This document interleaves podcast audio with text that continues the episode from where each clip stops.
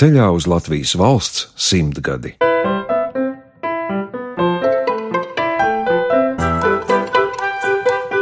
Talantu galerija Radošu personību portreti Latvijas Radio 1.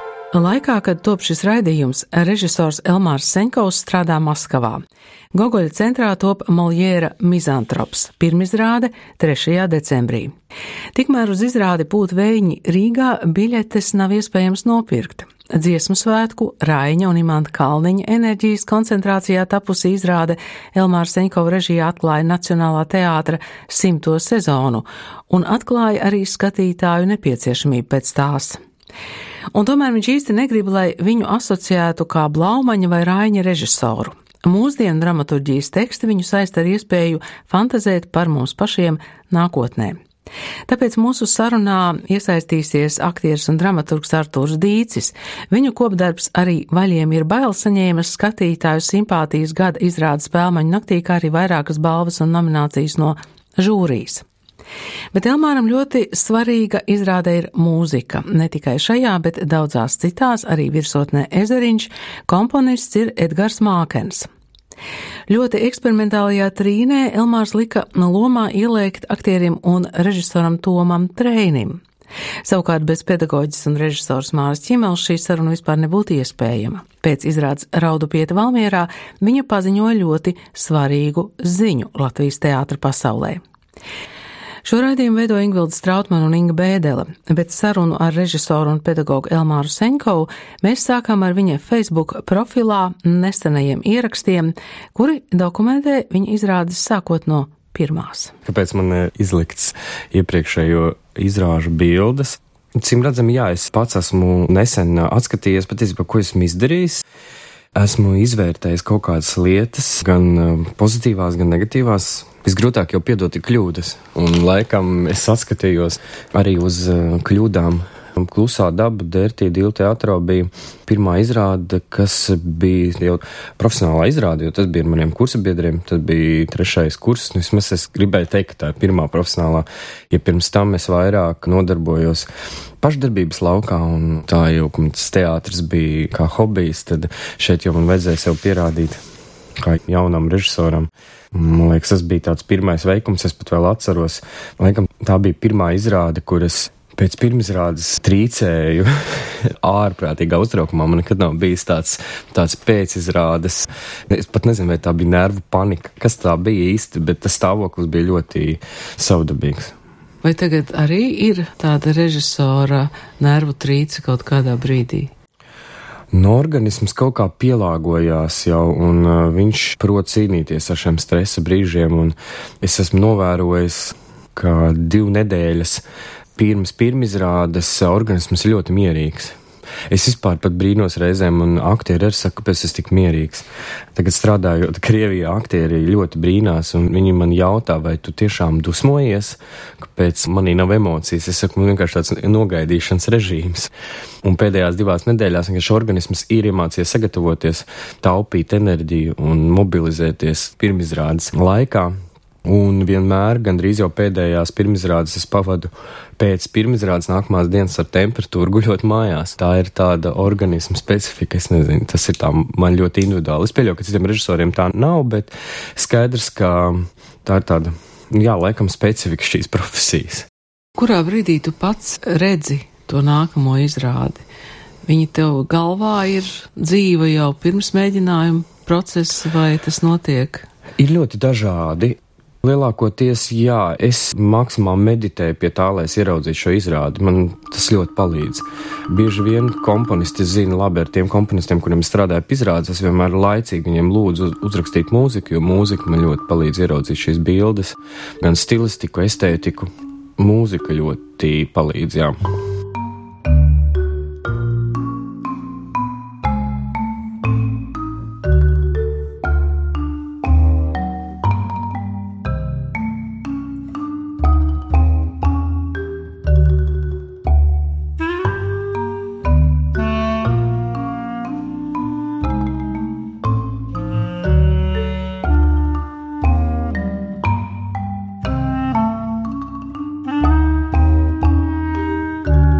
Tā mums ir izveidojies. Mums ļoti laba sadarbība ir.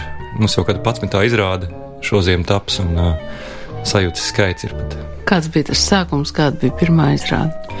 Pirmā izrāde bija tā, ka tā bija mana pirmā spēļu nominācija un bija tāds nominantu pasākums Krievijas teātrī. Un, uh, es biju tieši redzējis izrādi gals, un man viņa ļoti patika. Tad es ieraudzīju Elmāru un saņēmu, ka man jāiet iepazīties. Tad jūs piegājāt? Jā, jā, jā. Komponists Edgars Mākens.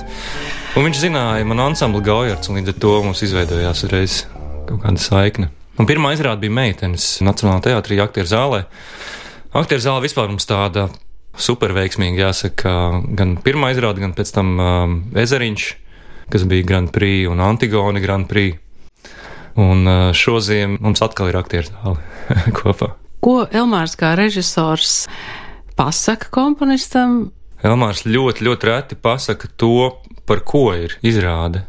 Jo es pieļauju, ka viņš bieži pats nezina to arī, kas tur galā sanāks, par ko tā būs. Bet mums ir tā iegājies, ka es ļoti daudz esmu klāt mēģinājumos, un būtībā tā mūzika arī rodas mēģinājumos. Tur uz vietas man tādas klātes ir, kuras tur skicēju, un, un ar to tā ir kaut kāda tāda ļoti liela miedarbe. Kā jūs viņu raksturot kā režisoru? Viņš ir ļoti demokrātisks, ļoti labdabīgs. Man šķiet, tas ir vismaz es personīgi, kas es tikai vienreiz šajos gados redzēju, ka viņš kliedz uz aktieri. Un viņš ļoti mīl teātri. Man šķiet arī, viņš ļoti joprojām spēlējās. Tādā visā procesā man grūti atrast divas vienādas izrādes viņa repertuārā. Man šķiet, ka tas ir, tas ir viens tas viņa talants, ka viņš spēja strādāt ļoti dažādās stilistikās. Un tas ir ļoti sarežģīts uzdevums komponistam, jo man ir jāpiemērojās. Un tas arī man spiež strādāt dažādos stilos. Ziniet, man arī ezeriņš ir ļoti joprojām mīļā piemiņā. Es skatoties tos audio gabalus, paklausījos tos fragmentus. Un kaut kas tur bija ļoti, ļoti maģisks tam visā. Tā kā jā, ja man jāizvēlās viena, tad arī ezeriņus nosaukt. Anna, tur nemaz nav daudz ko runāt. Visādi cilvēki ir pasaulē, Es varu vienmēr sacīt, ka esmu tāds cilvēks, kas nevar iztikt bez lamāšanās, kuru sapiektam noļot kārtu un tik. Bet apnicis sunīties uz visām pusēm, tik tiešām apnicis. Vai tu nebūtu ar mieru jau uz priekšu, es lamātu tikai tevi? Tu pats kurā brīdī teici, jā, es esmu tev režisors. Tas ir uh, jautājums, ko es bieži apšaubu. Un, uh, kā jau kurš mākslinieks es vienmēr apšaubu, vai pēc katras un pirms katras izrādes taisot, vai tiešām es esmu režisors. Arī katrs ir ļoti izrādes, svētīgi šie apšaubīšanas mirkļi, un tāpat kā aktieri uzdod, kāpēc es iestājos kultūras akadēmijā, un kāpēc man to vajadzēja, un vai tiešām tā ir mana profesija. Un varbūt es vienkārši esmu diletants, un varbūt tās man arī tādas domas nāk galvā. Varbūt tā bija tikai veiksme, ka tās iepriekšējās izrādes ir sanākušas, un ļoti dažādas muļķības nāk galvā.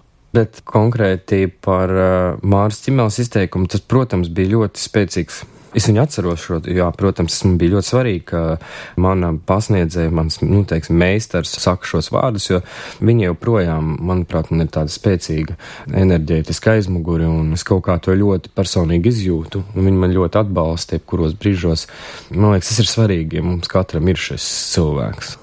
Tāpēc, vai es esmu režisors, jā, es ar to nodarbojos, bet eh, vai pa īstam ar eh, lielo burtas varētu sev nosaukt, es domāju, to nekad īsti režisors nevarēs atbildēt. Tagad jūs ar Māru Čimeli esat eh, arī kolēģi kā pedagogi.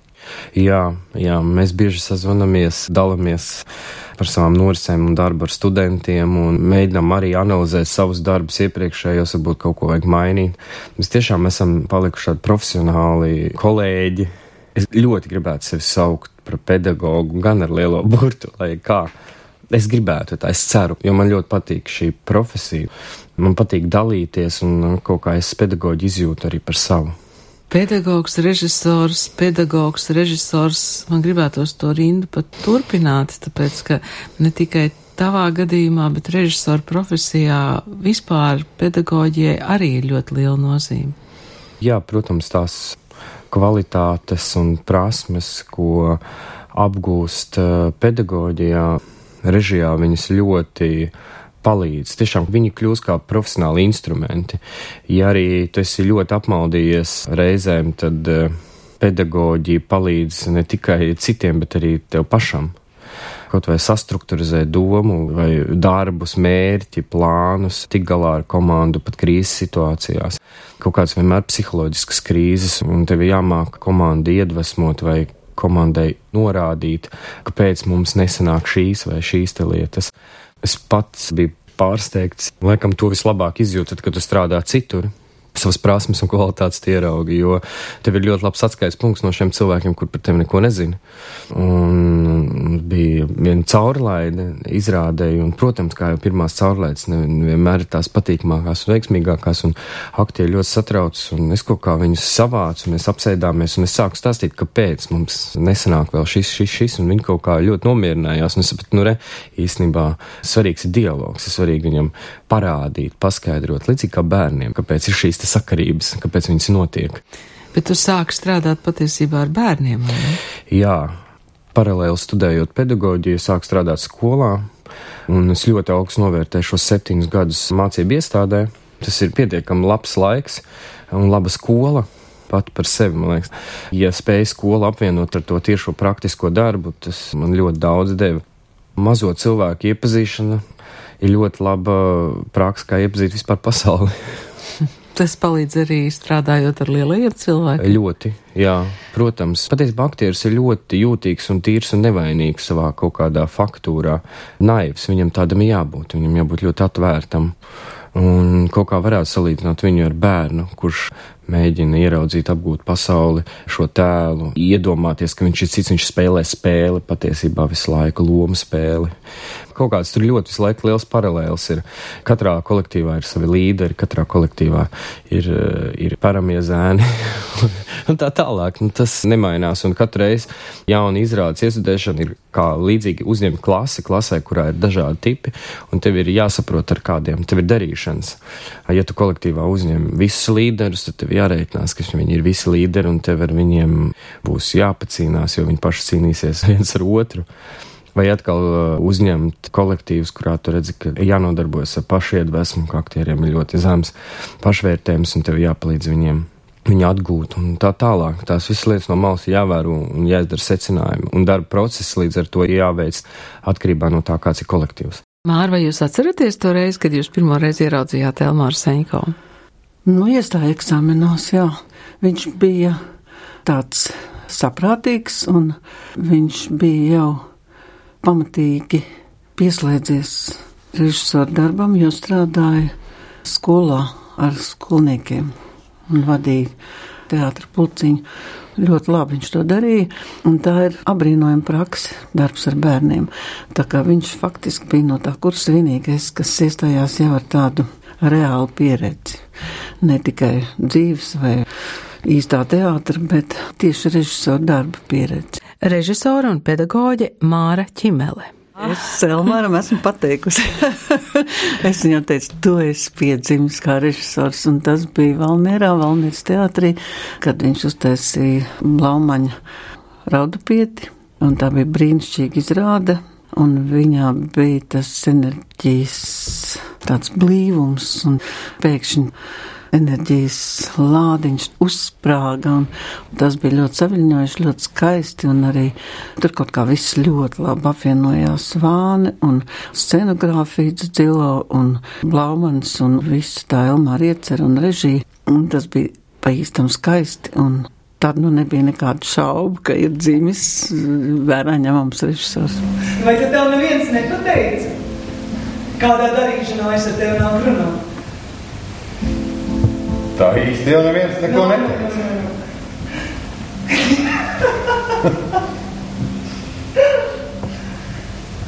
nu, bet tad man jāprasa, ko raudu māte no manis gribēs.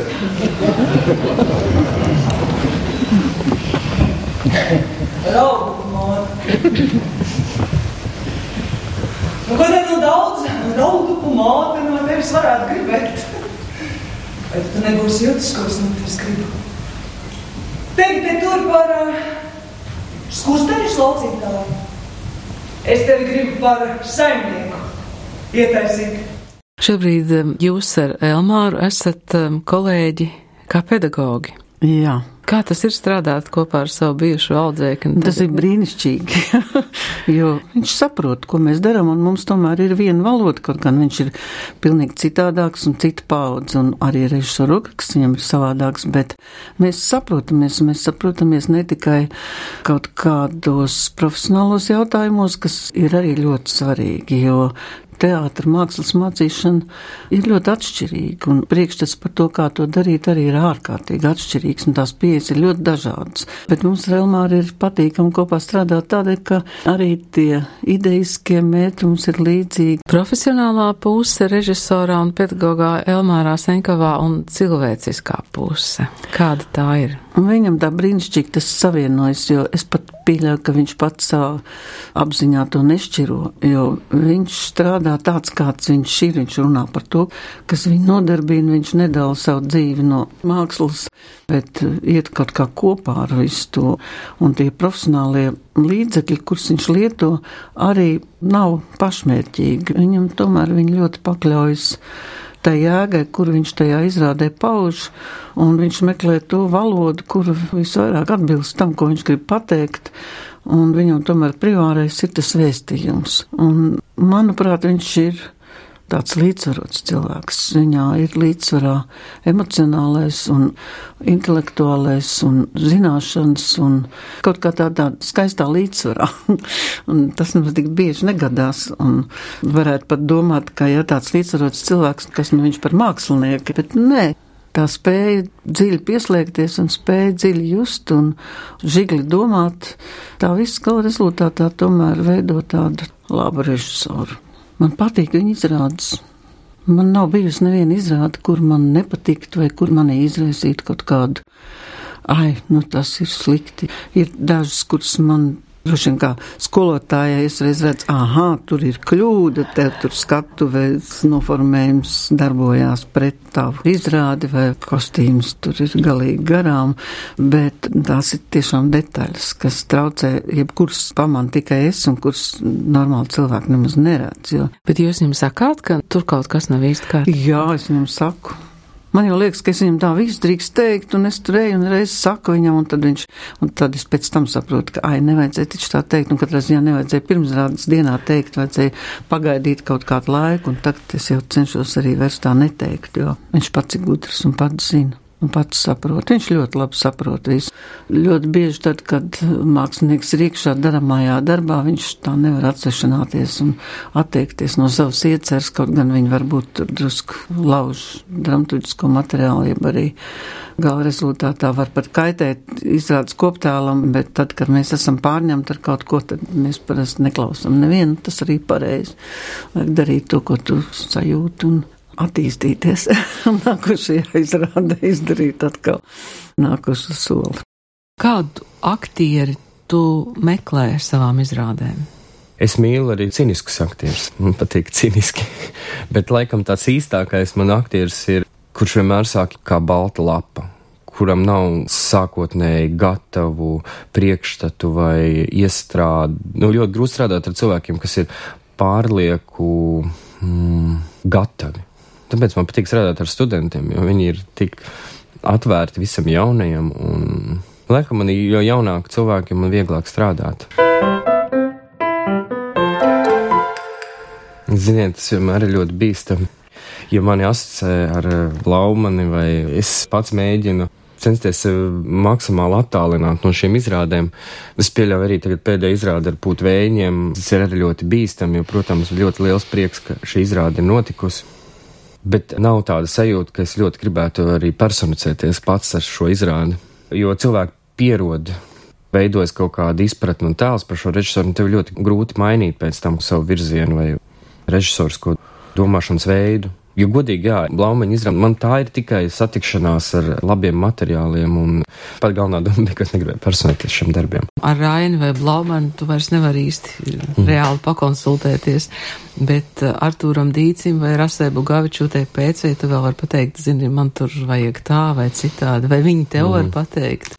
Jā, man liekas, tas ir jā, laika biedrs attiekas, un viņi spēja eh, vienoties par eh, kaut ko tas brīnišķīgi. Tāpat kā Čehovs savā laikā ar Staņislavski spēja diskutēt par to, kā viņš ir uzrakstījis lūgu, un arī ieviest korekcijas, man liekas, tas ir pareizi. Man vispār liekas, ka teātrim ir jo vairāk jāstrādā ar šodienu, ar šodienas laiku, jo visu laiku salīdzinu kaut vai to pašu minēto Čehovu un Staņislavsku, viņi tomēr domāja par to laiku, viņi aprakstīja sava laika sajūtas, cilvēkus, pirms revolūcijas laiks, un katrā darbā parādās mazliet tā laikmeta noskaņa. Un dramaturgi taču brīnišķīga lieta, ja tu vari radīt kopā ar viņu stāstu, ar viņu runāties. Vienmēr esmu domājis, vai šis darbs, ko jūs kopā darat, vai viņš pēc 20 gadiem tiks iesūtīts citam režisoram, un, vai pēc 50 vai 100 gadiem. Un viņi mēģinās domāt, ko tad mēs pa īstam esam domājuši šajā kontekstā. Gribētos būt nākotnē un redzēt, ja kāds darbs paliek, un kāds pēc simts gadiem stāsta par šo laiku, tas varētu būt ļoti interesanti, kā viņi interpretē šo laiku, kā viņi skatīsies. Aktieris un dramaturgs Artūrs Dīcis. Galvenais man bija nenormāli interesanti ar viņu, kā viņš, kā, kā viņš vispār domā, ļoti daudz no viņa puses visādi labi ieteikumi. Vispār kā viņš domā, man bija viegli ar viņu, manuprāt, komunicēt. Es ceru, ka viņam tāpat, jo viņš kaut kā, es nezinu, viņš tāds, es neesmu redzējis tādu dusmīgu vai kaut kādu, viņš tāds ļoti, kas teikšu, cilvēcīgs, lai neteikt, ka viņš ļoti maigs tāds. Īstenībā tas vārds ir tāds jūtīgs, viņš kaut kā jūt, kā viņš piegāja sākumā, viņš man saka, kas spēlēs, viņš jau man pasaka, un tas ir tur tāds, un pēc tam viņš man stāstīja, kā viņš katram pieies mēģinājumos. Viņš jau pirms tam ir izdomājis, viņš zina tos aktierus, kā ar kuru strādāt. Un tu tikai liekas, tik daudz padomāt jau pirms tam par to, ko tu darīsi, kā un kā vajag runāt ar cilvēkiem, lai dabūtu to, ko tu gribi. Kaut kā man likās, tā metode nenormāli cilvēcīgi un tik jūtīgs cilvēks, ka ar viņu gribās samīļot, teikt, turpini darīt, kas tev jādara. Nu, viņš ir kā pedagogs strādājot, ka viņš ir iemācījies meklēt dažādas pieejas. Nav kaut kāda viena. Es esmu Elmārs Senkovs, tā ir mana metode, viņas nepatīk pašvainīgi. Tomēr kaut kā viņš grib dabūt to, ko viņš grib dabūt, un tāpēc viņš iet uz to caur simts ceļiem, bet iet uz kaut ko, kas viņam ir tā vīzija. Tev interesē būt nākotnē, vai tev kādreiz ir interesējis būt arī pagātnē? Mm, laikam nē, pagātne man mazāk interesē. Laikam es gribētu būt nākotnē. Pagātne ir eh, visnotaļ interesanta, bet es neredzu laikam, kāpēc man būtu īsti jārestaurē reizēm pagātne. Vienīgi, ja šo darbu spēju pastīties tikai no šodienas cilvēku skatu punkta, Bieži vien arī es stāstu, man pārmet, kāpēc es kādu darbu vēsturiski pārnesu uz šodienu vai Čehovu, vai tad vienmēr man ir atbilde, tāpēc, ka es īsti neesmu dzīvojis tajā laikā un es nevaru ļoti precīzi uzlikt šo laiku. Es tikai varu priekšstat līmenī iztēloties vai izlasīt grāmatās vēsturi. Vēsturi arī pēc būtības ļoti liela interpretācija. Tad rodas visādas muļķības un neprecizitātes arī un priekšstati un uzslāņojumi, citu režisoru uzslāņojumi. Un tāpēc es vienmēr saku, nu nav jau bijis tā, ka latvieši vienmēr staigājuši pastelās un nu, kaut kādas tādas teātra klišejas vai kostīmi, kāpēc jātaisa kostīmu izrādi. Vienīgi, ja tas tiešām nav kaut kāds estētisks apzināts gājiens, bet ļoti grūti bieži vien attaisnot vēsturiskās izrādes kostīmu drāmas un nesaprot īsti jēgu. Trīna bija tomēr ļoti drosmīgs mēģinājums laust priekšstats par Blaumanu un viņa komēdijām. Mm -hmm. Jā, nu, tas ir viens no maniem mīļākajiem darbiem. Jāsaka, man mīļākie darbi ir visi tie, kuri varbūt nav piedzīvojuši ilgu mūžu. Laikam tas ir kā ar bērniem. Parasti tie bērni, ko citi nepieņem un saka, kā čigāni bērni vai kaut kā kaut kā nesaprotami vai viņi neestētiski vai kaut kā citiem dēļ nav šis skaistākais bērns tavā pulciņā. Viņu vienmēr gribas aizsargāt un pasargāt un žēlot. Un tie ir tiešām mīļākie un, un viss, ko iespējams varbūt kritiķi uzskata par manām neveiksmīgākām izrādēm. Kaut gan es tieši uzskatu par visveiksmīgākām, jo tās man eh, visvairāk iemācījušas tās izrādes. Es pat arī negribu teikt, ka viņas vienkārši iemācījušas, tāpēc, ka viņš ir nevis neveiksmīgs, bet tie ir kaut kāds ceļš un meklējumi. Un trīne, es pieļauju, ka trīne būs tā izrāde, ko es droši vien pēc vairākiem gadiem skatīšos un pats sev sitīšu uz pleca un teikšu, vispār baigā drosme man bija. Patiesībā sakot, pirmā ielikšana pie Elmāra izrādē bija raudupietē, jo es Rīgā ielicu, kad bija izrāda raudupietē vienā no to jauno puišu lomām. Un pēc tam jau tālāk tas bija, protams, trīnē dažas dienas pirms pirmizrādes. Un uh, tad arī akadēmijā es viņam asistēju diplomu darbā, ko viņš teica ar maniem kursabiedriem kopā sapnis esars naktī, un pēc tam jau arī bija putvējiņi tagad, kas pats jaunākais. Jā, tā kā es esmu ar Elmāru kaut kādā ziņā bijis saistīts aktieris un režisors Toms Treinis. Par Elmāru tā, man ir ļoti liels prieks par viņu, ka viņš ir tāds cilvēks, kāds viņš patiesībā ir. Jo, nu, tas tā vienkārši teikt, bet viņš ir ne tikai pedagogs, viņš ir arī kaut kādā ziņā dzīves skolotājs, ko es varu pateikt viņam lielu paldies, tāpēc, ka viņš ir man bieži vien dzīvē norādījis pareizo virzienu, ko darīt un kā domāt, varbūt kaut kādā ziņā Un tāpēc esmu ļoti viņam pateicīgs, ka viņš ir man ņēmis asistēt sev, jo es caur viņu esmu ļoti daudz ko iemācījies par teātru un sapratis par teātru. Jo kaut kā tas viss izveidojās, ka mums sakrit humora izjūta, mums sakrit domāšana par teātru, varbūt kaut kādā mērā. Un vienkārši man ir tāds sajūta, ka es viņu uzskatītu arī par savu ne tikai kolēģi, bet arī draugu. Viņš kādreiz ir arī skarbs. Viņš, jā, protams, tur jau tā lieta, ka nav runa par skarbumu. Es negribētu teikt, ka tas ir skarbi, bet viņš saka godīgi. Nu, tas, ko es vienmēr esmu novērtējis par visām manām izrādēm, arī cik nu viņas ir tik ir, bet cik esmu taisījis, tad vienmēr viņš pasaka godīgi. Es vienmēr uzticos viņa viedoklim, un kad viņš atnāk un man izstāsta, es esmu ļoti priecīgs par to. Un viņš ir godīgs. Viņš pasaka, kad ir garām, kad ir trāpīts, kad ir kaut kas ne tā, kaut kas ļoti labi.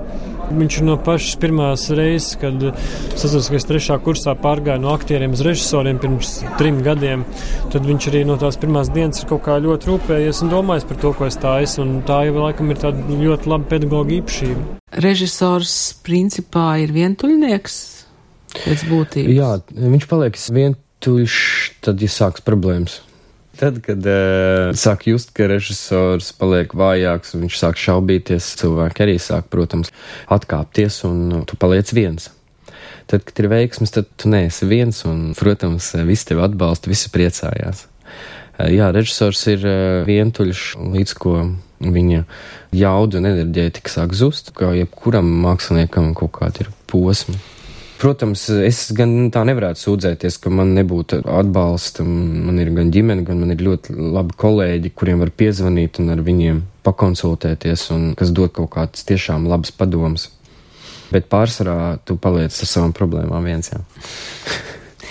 Tie enerģētikas uzlādēšanas avoti, kādi tev tie ir, nu droši vien, ja jau tu to pieminēji, tad tā ir ģimene. Tas ir laikam pats svarīgākais, jā, man pašlaik tā ir ģimene. Es gribu domāt un cerēt, ka nu, bērns ir bērns, un bērns ir tavs bērns, un viņš nekad tevi nepametīs. Tāpat kā sieva, ja, viņa, ja tu, protams, atdod šai ģimenei to arī vajadzīgo enerģiju. Un vēl viens iedvesmas avots ir tikai un vienīgi labs darbs. Iedvesmo, ja ir labs process, iedvesmo radošs process pacēlums, tev sanāk tas vēl vairāk iedvesmo. Protams, iedvesmo labi vārdi, komplimenti, atzinības, nominācijas. Tas iedod enerģiju. To jau visi zina, ne, neiedvesmo, ja tev visu laiku lamā un saka, tev nekas nesanāk. Tur ļoti grūti atrast iedvesmu. tev jau ir tāds balvu plauktiņš? Nē, nav. Man jau viņas arī nav daudz nemaz. Liekas, ka man varētu būt ļoti daudz balvas. Man tiešām ir tikai viena balva mājās. Neatceros, pirms gadiem spāmeņa nakts balva. Viena. Tas arī viss, un vēl uh, skolas diplomi. Jā, jā. skolas diplomi. jā viss. kā, labi, es viņus nelieku plauktā, bet es arī pārvācoties skatījos, kas man ir. Un, panākumu kliņģeris skolā izteiksmīgās runas konkursā var palielīties, ieguvu otro vietu un valstī. Tas ir lielākais mans sasniegums. tu pats nekad neesi gribējis būt aktieris? Es esmu gribējis. Es sapņoju, ja bērnībā es domāju, es varētu būt labs aktieris. Bet studējot, es laikam sapratu, ka īsti nē, es jūtos labāk strādājot, uh, skatoties no malas visu. Es vienkārši ļoti novērtēju, tāpēc aktieris, jo es skolas laikā esmu spēlējis. Es domāju, studējot pie Māras Čimēlas, viņa arī vienmēr ir likusi režisoriem spēlēt, lai saprastu aktiera dabu uzdevumus, lai tu varētu spēt pats strādāt un uzdot uh, pareizos uzdevumus aktieriem. Es laikam nevarētu katru dienu būt tik godīgs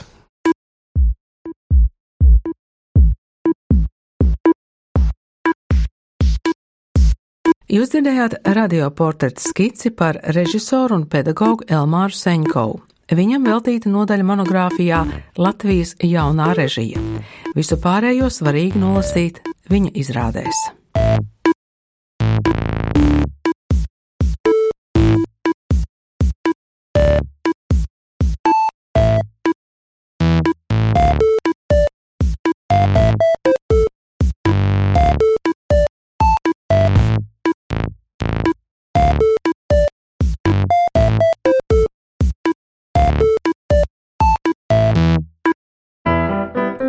Talantu galerija Latvijas Radio 1. Izskanēja Latvijas valsts simtgades programmas raidījums.